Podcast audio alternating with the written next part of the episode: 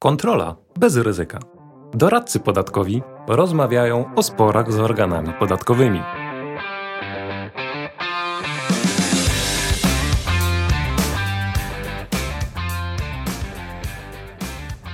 Dzień dobry Państwu. Wojciech Liś, doradca podatkowy. Andrzej Radwanwiński, doradca podatkowy, wykładowca. Kontynuujemy tematykę spółek ZO e, i pewnych ryzyk podatkowych e, związanych z, e, z tym biznesem. Opowiemy sobie o kilku elementach. Po pierwsze, czy spółka ZO może być traktowana jak unikanie opodatkowania, przeniesienie biznesu na spółkę ZO mm, i ryzyka z tym związane i tematykę wielu spółek ZO w celu unikania VAT-u i CIT-u. Tak, Wojciech, no co to jest w ogóle unikanie opodatkowania? Mamy od 2016 roku klauzulę przeciwko unikaniu opodatkowania. Brzmi to strasznie, dlatego że organ może pominąć naszą czynność, jeżeli głównym celem albo jednym z głównych celów albo jedynym jest uzyskanie korzyści podatkowej, nie ma żadnego uzasadnienia ekonomicznego, biznesowego. No, robimy to tylko po to, żeby płacić mniejszy podatek. Oczywiście ta klauzula w praktyce nie służy do prowadzenia postępowania, ale przede wszystkim służy do tego, żeby nie wydawać interpretacji indywidualnych, a jak patrzymy na statystyki, to mamy pojedyncze postępowania prowadzone z tej klauzuli, ale rodzi się pytanie, to skoro zakładam spółkę ZO, żeby płacić mniejsze podatki, ha, ha, ha, no to oczywiście rodzi się pytanie, czy w takim razie organ nie powie, że robi to tylko i wyłącznie, by uniknąć opodatkowania. Wojciech, jak to jest? Generalnie ważny jest element sztuczności nie? W, w, w klauzuli przeciwko unikaniu opodatkowania.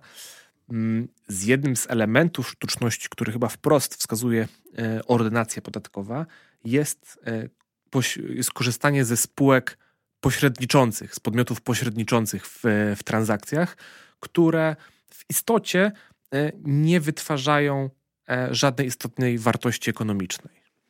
Tak, natomiast no, to jest bardzo widoczne, jeśli mamy jakieś struktury międzynarodowe, albo ktoś sobie wymyślił, że założy spółki zagraniczne i będzie transferował pieniądze przez okrężny obieg, tak żeby nie płacić żadnego podatku. No, tutaj nawet możemy podać nasz y, lokalny y, przykład LPP.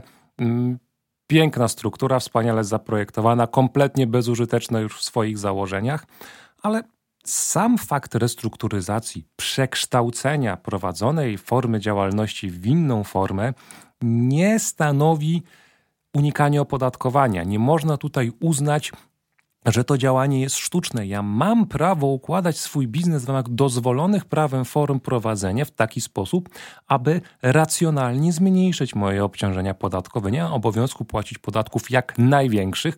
Po to mamy różne formy prowadzenia działalności, różne formy opodatkowania tych sposobów prowadzenia działalności, właśnie po to, żeby dopasować je do swoich potrzeb biznesowych, ekonomicznych i potrzeb podatkowych. Tylko, no właśnie, Wojciech, jak mamy możliwość wejścia w spółkę ZO. No bo spotykamy się z takim wejściem porządnym, związanym z restrukturyzacją, przekształceniem, wniesieniem wkładu, ale mamy jeszcze no, partyzantów. Tak, no i to jest niestety częsta sytuacja, to znaczy mm, wygaszanie swojej działalności gospodarczej i oprócz tego zakładanie świeżej spółki ZO i po prostu, nie wiem, przeniesienie umów z pracownikami, i rozpoczęcie działalności przez, e, przez nowy podmiot.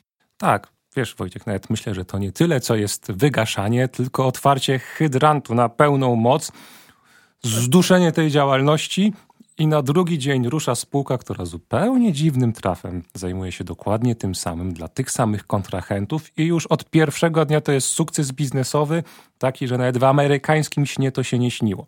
Słuchajcie, no mamy coś takiego jak exit fee czyli na gruncie cen transferowych, czyli szczególnych warunków rozliczeń pomiędzy podmiotami, które mają na przykład wspólnego właściciela, mamy coś takiego jak opłaty czy dochód związany z transferem istotnych składników majątku. Innymi słowy, jeśli mam swój biznes czy część tego biznesu, obcemu tego bym nie oddał za darmo. Więc jeżeli coś przerzucam do spółki ZO, no to jako przerzucający z tego tytułu musiałbym rozpoznać dochód. Pracownicy mają swoją wartość dochodową. No wiecie, firmy rekrutujące pracowników dla różnych branż nie robią tego pro bono, ale każdy zrekrutowany pracownik to jest spore wynagrodzenie, a jednak oni produkują wartość dodaną. Sprzęt, umowy szczególnie mają wysoką wartość dochodową.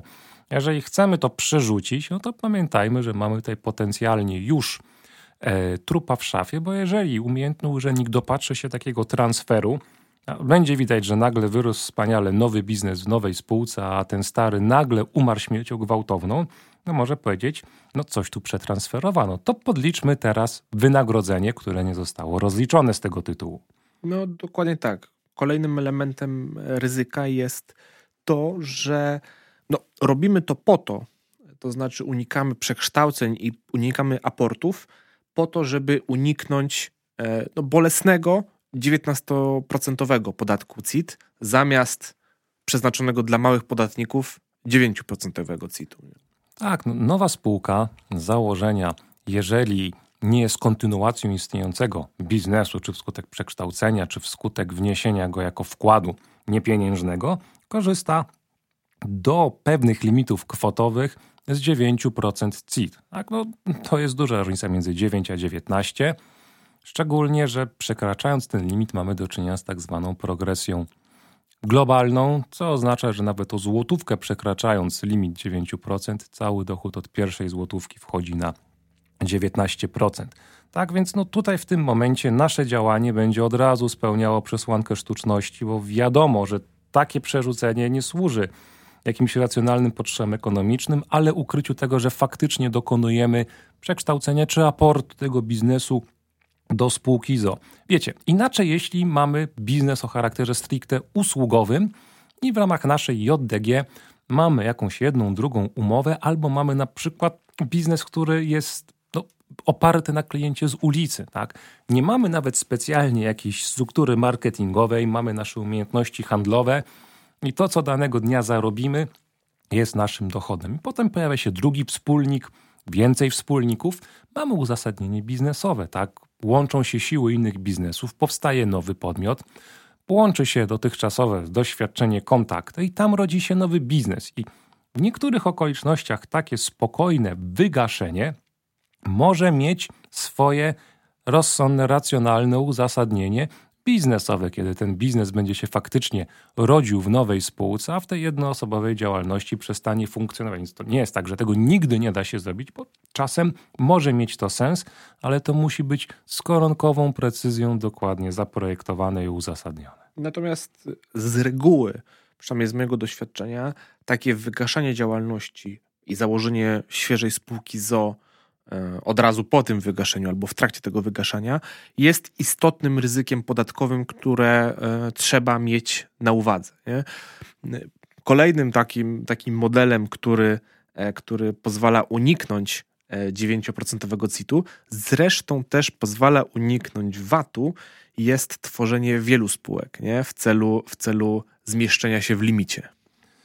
Wojciech, nic mi nie mów. Przede wszystkim cały czas widzę, że wszyscy mają problem z tym, żeby określić, kiedy spółka wchodzi e, w 9-19% CIT. W ciągu ostatniego miesiąca miałem dwóch klientów, u których księgowi nie wiedzieli, jak to się liczy. Jeden na szczęście zdążył tuż po obliczeniu zaliczki na podatek. Mamy dwa kryteria, które muszą być spełnione łącznie. W bieżącym roku nie mogę przekroczyć równowartości 2 milionów euro netto ale tą stawkę mogę stosować tylko jeśli jednocześnie w poprzednim roku nie przekroczyłem 2 milionów euro brutto. Co to oznacza? W bieżącym roku nie przekroczyłem 2 milionów euro netto, ale z VAT-em przekroczyłem 2 miliony euro brutto. Co oznacza, że w kolejnym roku od pierwszej złotówki zaczynam ze stawką 19% i nie wiem czemu ludzie dalej mają z tym gigantyczny problem. Natomiast kolejna rzecz, no, nie ma nic bardziej sztucznego niż tworzenie dodatkowej spółki tylko po to, żeby uniknąć 19%. Tworzenie drugiej spółki, która będzie robiła to samo, co robi pierwsza spółka, i jeszcze nagle skądś ta nowa spółka wyczaruje sobie kontrakty, zamówienia, klientów, środki e, do wykonywania tych usług, personel, no to widać, widać na kilometr. Tak, to jest klasyczny przykład sztucznego działania. I uwierzcie mi, jeżeli traficie do kontroli urzędnik to zobaczy, to tutaj można tylko wywiesić białą flagę, ogłosić abdykację i upadłość. Ja nie wiem czemu w dalszym ciągu mamy wielu pseudospecjalistów, nie wśród doradców, ale innych osób miających się fachowcami, którzy polecają to jako złoty sposób. No wiecie, jeżeli połączymy sobie takie super doradztwo polegające na tym, żeby zakładać sobie kolejne spółeczki, jak tylko się zbliżasz do limitu, i to połączymy jeszcze z brakiem umiejętności liczenia, kiedy wchodzę na 9 i 19%, mamy przepis na katastrofę i takie katastrofy są już nie do zażegnania, co wiemy z własnego doświadczenia. No ja mm, pamiętam takie orzeczenie, to już chyba na Wojewódzkim Sądzie Administracyjnym, że e, podatnik postanowił założyć jedną spółkę na jedno województwo. E, I z każdej miał oczywiście e, szczęśliwym trafem, na każdej miał 9% podatku. Natomiast wypunktowano to w orzeczeniu, e, najpierw w decyzji organu, potem w, w orzeczeniu sądu administracyjnego, że ta struktura, którą, którą podatnik sobie wprowadził, nie miała żadnego ekonomicznego uzasadnienia. Argumentacja była taka, że zbierano klientów z danego województwa. Natomiast stan faktyczny pokazał, że te spółki łapały klientów z całej Polski. Więc y, ta struktura służyła tylko po to, żeby nie wpaść w 19%. Tak. Ostatnio miałem przykład, no to był wyjątkowy as, 11 spółek ZO, z czego 10 zupełnie dziwnym trafem było poniżej e, limitu zwolnienia podmiotowego z VAT. Wszystkie te spółeczki, 10 było poniżej 200 tysięcy obrotu. Zupełnie dziwnym trafem te spółki startowały w ramach zamówień publicznych, gdzie zamawiający nie miał prawa do odliczenia e, VAT z tytułu zamawianych usług, więc jeśli e, startujący do przetargu był zwolniony z VAT, no to mógł sobie zagrać ceną, bo oferując niższą cenę, mógł i tak zachować swoją marżowość. Ale te spółki, słuchajcie, dziwnym trafem nie miały żadnego personelu i przy wszystkich usługach, słuchajcie, korzystały z podwykonawstwa tej głównej spółki, która nie korzystała ze zwolnienia. No, może to być dla Was szokiem, ale organ wydał tutaj w obydwu instancjach decyzję o nadużyciu prawa VAT i oczywiście pominął rozbicie tych spółek na wiele innych podmiotów i uznał, że tak naprawdę mamy tutaj do czynienia z działaniem sztucznym i uwaga, wszystkie spółki podliczył jako czynnych podatników VAT. Bolesne, bardzo bym powiedział, że bardzo bolesne. A klient stwierdził, że na poziomie skargi do WSA to on sobie i tak sam poradzi. tak, typowa sytuacja polskiego podatnika, tak się zdarza. Tak, no generalnie, generalnie podsumowując, wiele spółek to wiele ryzyk, związanych zarówno z podatkiem dochodowym, jak i z VAT-em. Natomiast w, powiedzmy, jednym z istotnych ryzyk, których jeszcze powinniśmy powiedzieć, to jest właśnie kwestia rozliczeń e, pomiędzy e, spółką a, a wspólnikiem. To znaczy, mamy często sytuację, w której mieliśmy jednoosobową działalność gospodarczą, powiedzmy jakiegoś freelancera, który fakturował normalnie za, za usługi. Potem zakładał sobie spółkę ZO i nagle cała marżowość spółki, która, która zarabia na tej samej usłudze, jest podzielona na najem sprzętu, najem samochodu, powtarzające się świadczenia niepieniężne, umowy o dzieło. I tak naprawdę ta jedna osoba zjada marżowość jeden do jednego spółki, spółki ZO. E, jakie tu są problemy, Andrzeju? Wiecie co, no nie mamy tutaj w ogóle żadnych rynkowych y, zasad współpracy. No nikt nie tworzy biznesu tylko po to, żebyście wy mieli robotę i mieli zarobek, tak? Jeżeli spółka, która bierze na siebie główne ryzyka biznesowe, jako ten główny kontrahent, główny wykonawca, oddaje wspaniałomyślnie cały zarobek swoim podwykonawcom, czy właściwie jednemu podwykonawcy, usługodawcy, wykonawcy dzieła i wynajmującemu, i sama nie zostawia sobie żadnego zarobku, czy ten zarobek zostawia minimalny, no powiedzmy sobie szczerze, to jest delikatnie mówiąc łatwe do podważenia i organ oczywiście oprócz sztuczności takiego działania może po prostu dokonać klasyfikacji takiej usługi. Nawet jeżeli pojedyncze świadczenia teoretycznie mieszczą się w granicach widełek rynkowych, no to też będzie dokonana całościowa ocena struktury biznesowej. Organ powie, to jest wszystko sztuczne. Się nie spina w ramach żadnych warunków rynkowych spółka nie będzie tak wspaniałomyślnie płaciła za pełen zestaw e, najmu, środków, świadczonych usług i świadczeń kierowniczych tylko po to, żeby nic na tym nie zarobić. Więc uwaga, mogą powstać zaległości podatkowe, bo przychody i koszty będą przekalkulowane. Tak, więc spółka, spółka ZO jest, yy, może być ryzykowna, jeżeli traktujemy ją jako pustą wydmuszkę z kontem bankowym, która służy nam tylko po to, żeby wypłacać z niej pieniądze. Jeżeli mamy fajnie wyskalowany biznes i nie wiem, chcemy ograniczyć ryzyko e, tego biznesu, e, czy chcemy e, ułatwić sobie powiedzmy jego sprzedaż, to, to jak najbardziej spółka ZO będzie fajnym rozwiązaniem. Natomiast w innym wypadku to ryzyko. Tak, no szczególnie jeśli spółka ma na przykład nas prowadzić w CIT estoński, to wtedy jak najbardziej to jest, myślę, taka nasza ulubiona kanapka spółka ZO z CIT-em estońskim, to jest bardzo smaczne, polecam, tak? Ale jeżeli planujemy 10 spółek ZO, to powiem szczerze, coś tu już wcześniej, dużo wcześniej poszło nie tak.